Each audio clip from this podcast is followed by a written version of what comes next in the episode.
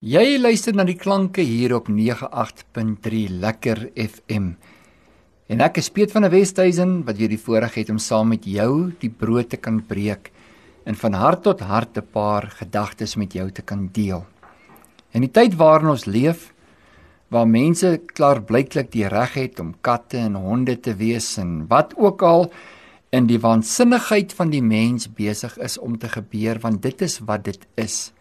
Dit lyk baie keer vir my of ons ons common sense verloor het. Asof ons geen sin vir waarheid en geen sin vir dit wat eintlik net reg is meer beoefen nie. En hoe meer waansinniges daar is, hoe meer vorm dit die standaard en hoe meer word die res van die samelewing beïnvloed en onderdruk om toe te gee daaraan. Maar ek kom vandag terug na die woord toe. Ehm um, Ek wil vandag 'n bietjie met jou gesels en miskien jou beïnvloed om nie al die nonsens van die wêreld op te eet en te vat nie. Ek en jy is mense wat glo in God. Ons glo in sy woord. Sy woord bly nog steeds die waarheid. God het die mens geskape en hy het die mens in sy orde geplaas. En so het hy die dier geskape en die dier in orde geplaas. Nou ek wil nie daaroor vandag praat nie. Ek wil eintlik met jou praat oor die krag tot redding. Wanneer mense ver van die woord af leef, dan leef hulle ver van God se skepingsdoel van hulle lewens af. As 'n mens nie die inspraak en die tempo van die Heilige Gees in jou handhaaf nie, wanneer mense nie 'n verhouding is met God nie, dan beteken dit ook dat ek en jy glad nie rigting het waarna toe ons beweeg nie. Dan vestig ons die oë maar op wat ook al wanneer ook al. Maar God wil hê ons moet die oë vestig op Jesus, die volëinder van ons geloof. En dit is hierdie geloofspad so sal loop soos wat hy dit vir ons voorhou om te loop. Romeine 1 vers 16 en ek lees vir jou tot en met vers 32. Jy kan saam met my lees uit die Afrikaanse vertaling. Want ek skaam my nie oor die evangelie van Christus nie, want dit is 'n krag van God tot redding vir elkeen wat glo eerste vir die Jood en ook vir die Griek. Want die geregtigheid van God word daarin geopenbaar uit geloof tot geloof. Soos wat daar geskrywe is, maar die regverdige sal uit die geloof lewe. Want die woord van God word van die hemel af geopenbaar oor al die goddeloosheid en ongeregtigheid van die mense wat in ongeregtigheid die waarheid onderdruk omdat wat van God geken kan word in hulle geopenbaar is want God het dit aan hulle geopenbaar. Want sy onsigbare dinge kan van die skepping van die wêreld af in sy werke verstaan en duidelik gesien word naamlik sy ewige krag en goddelikheid sodat hulle geen verontskuldiging het nie omdat hulle alhoewel hulle God geken het hom nie as God verheerlik of gedank het nie maar hulle het dwaas geword in hulle oorlegginge en hul onverstandige hart is verduister. Terwyl hulle voorgee dat hulle wys is, het hulle dwaas geword en die heerlikheid van die onverganklike God verander in die gelykvormigheid van die beeld van 'n verganklike mens en van voëls en viervoetige en kruipende diere. Daarom het God hulle ook in die begeerlikhede van hulle harte oorgegee aan onreinheid om hulle liggame onder mekaar te onteer. Hulle wat die waarheid van God verruil het vir die leuen en die skepsel vereer en gedien het bo die Skepper wat geprys moet word tot in ewigheid. Amen. Daarom het God hulle oorgegee aan skandelike hartstogte want hulle vroue het die natuurlike verkeer verander in die wat teen die natuur is en net so het ook die manne die natuurlike verkeer met die vrou laat vaar en in in hulle wellus teenoor mekaar ontbrand. Manne het met manne skandelikheid bedrywe en in hulle self die nie noodwendige vergelding van hulle dwaling het hulle ontvang. En omdat hulle dit nie die moeite werd geag het om God in erkenning te hou nie, het God hulle oorgegee aan 'n slegte gesindheid om te doen wat nie betaam nie. Hulle is vervul met allerlei ongeregtigheid, hoerery, boosheid, hebsug, ondeug, volnydigheid, moord, twis, bedrog, kwaadaardigheid, nuusdraers, kwaadsprekers, haters van gewelddenaars, trotsaards, grootpraters, uitvinders van slegte dinge, ongehoorsaam aan die ouers, onverstandig, ontrou, sonder natuurlike liefde, onversoenlik, onbarmhartig, mense wat al ken hulle die verordeninge van God goed, dat die wat sulke dinge doen, die dood verdien. Die dinge nie alleen self doen nie, maar ook hulle goedkeuring skenk aan die wat dit doen. Ek skaam my nie vir die evangelie nie. Want hierdie evangelie, hierdie woord, soos God dit vir die mens voorgeskryf het en gegee het. Hierdie geopenbaarde hart van God wat op skrif en papier vir my en jou neergepen is na vertalings. Ons skaam ons nie daarvoor nie. So baie keer dan sien 'n mens dat mense maar eerder swyg as om die waarheid te praat. Bly maar eerder stil. Dat die goddelose en dat die onregverdige maar eerder sy sê sê en sy gang kry. Het jy gehoor hoeveel dinge kom oor 'n mens wanneer God jou oorgee aan jouself? Wanneer jy van God vergeet, nie meer respek aan hom betoon nie, nie meer hom in herdenking hou nie, hom nie meer eer nie, jy erken nie wie hy is nie. Dan is daar 'n ander kant van die pendulum waantoe die mens dan swaai. Want daar's twee kante. Wanneer God sê die teenoorgestelde kant van lig is duisternis, van op is af, van links is regs, Sekerlik dan is daar die ander kant van dit wat nie goed en reg is nie. Dit wat nie betaamlik in God is nie, het 'n ander kant. En wanneer Paulus hierdie woord skryf aan die Romeine wat ook maar in hulle eie kulturele en sosiale wanorde verval het van hulle dag, dan sê hy onthou net ons leef die geloof wat ons lewe gee ons lewe. Ons glo in die lewe wat ons lewe gee. En wanneer ons in daardie lewe glo, dan lewe ons deur daardie lewe. Ja, dis geloof tot geloof. Wanneer ek in Christus glo, dan begin my lewe 'n belyning te word van dit wat ek glo. Wanneer ek nie in hom glo nie, dan word my lewe ook 'n belyning van dit wat ek nie glo nie.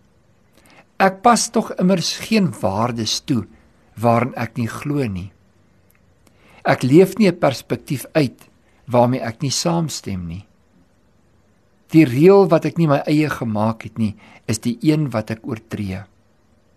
Die weerstand teen dit wat ek nie wil aanvaar nie, is die uitlewing van my gedrag elke ander oomblik. Ek doen dit wat ek wil doen. En ek doen ook nie dit wat ek nie wil doen nie. Maar as ons nie God toelaat, soos die woord sê, om in ons te wil en te werk na sy welbehae nie, dan verval die mens in sy eie menslikheid. Ek en jy doen sommer maar net wat ons wil, wanneer ons wil en hoe ons dit wil doen. Wanneer 'n mens daai plek bereik het, dan is die afgrond jou heenkome. Want die een ding word aan die ander ding verbind. Wanneer God sê dat Ja, rebellie selfs is vir hom soos towerspel. Rebellie is vir hom soos dit wat uit die put van dit wat duister is jou aan verbind. So verbind dit jou aan baie ander dinge ook. So wanneer ons God nie in erkenning hou nie, dan kan ons ook nie uit daardie geloof tot geloof lewe nie dan leef ek uit die geloof wat ek het in die ongeloof 'n ongelowige lewe. As God se woord nie vir my die waarheid is nie, dan is die leuen die waarheid. Dan leef ek in die leuen asof die leuen die waarheid is. Dis wanneer ek die waarheid onderdruk. Jakobus 4:17 sê die woord baie duidelik: Wie dan weet om goed te doen en dit nie doen nie, vir hom is dit sonde. Eintlik het niemand vir ons die heeltyd iemand nodig wat vir ons preek en vir ons vertel wat is reg en verkeerd nie, want in ons het ons 'n innerlike oortuiging van dit wat reg en verkeerd is. Ons weet eintlik almal inherënt wanneer ek besig is om te oortree. Maar ek maak daardie stem dood. Ek weerstaan en ek bied teenkanting teen die waarheid. En dan verval 'n mens uiteindelik tot 'n plek in jou lewe waar jy nie meer die onderskeid kan tref tussen reg en verkeerd en dit wat vals is en waar is. Of die leuen of die waarheid is nie. Dan kan 'n mens baie maklik aanhou aan iets wat jy gedink het die waarheid is, maar eintlik hang jy aan hierdie tou van die leuen. En die apostel Paulus kom praat met die gemeente van Romeine wanneer hy vir hulle sê dat onthou net julle moet God ken. Julle moet hom in erkenning hou. Omdat wat van God geken kan word, selfs in hierdie mense geopenbaar is wat hom nie is wil erken nie. Prediker 3 vers 11 sê die woord alles het hy mooi gemaak op sy tyd. En hy het ook die eeu in hulle hart gelê sonder dat die mens die werk wat God doen van begin tot eind kan uitvind. Ja, hy het ewigheid in die menslike hart kom lê. Daar's 'n sin van ewigheid. Daar's 'n sin van waarheid. Daar's 'n sin van liefde in elke mens geplaas. En al hoe mens dit uitvind, al hoe mens dieper daarin beweeg, al hoe jy dit ontdek en verder kan ontwikkel, is wanneer jy deur die Gees begin lewe. Wanneer jy die woord van God neem as die waarheid en die woord lei jou in die waarheid in daardie waarheid ontwikkel in 'n lewe en 'n lewe van oorvloed. Miskien is jy vandag verward teenoor een of ander iets of iemand wat vir jou iets kom vertel het wat nie die woord van die Here is nie. Jy glo dalk vandag iets wat jy diep in jou hart weet is nie reg nie. Die woord sê anders.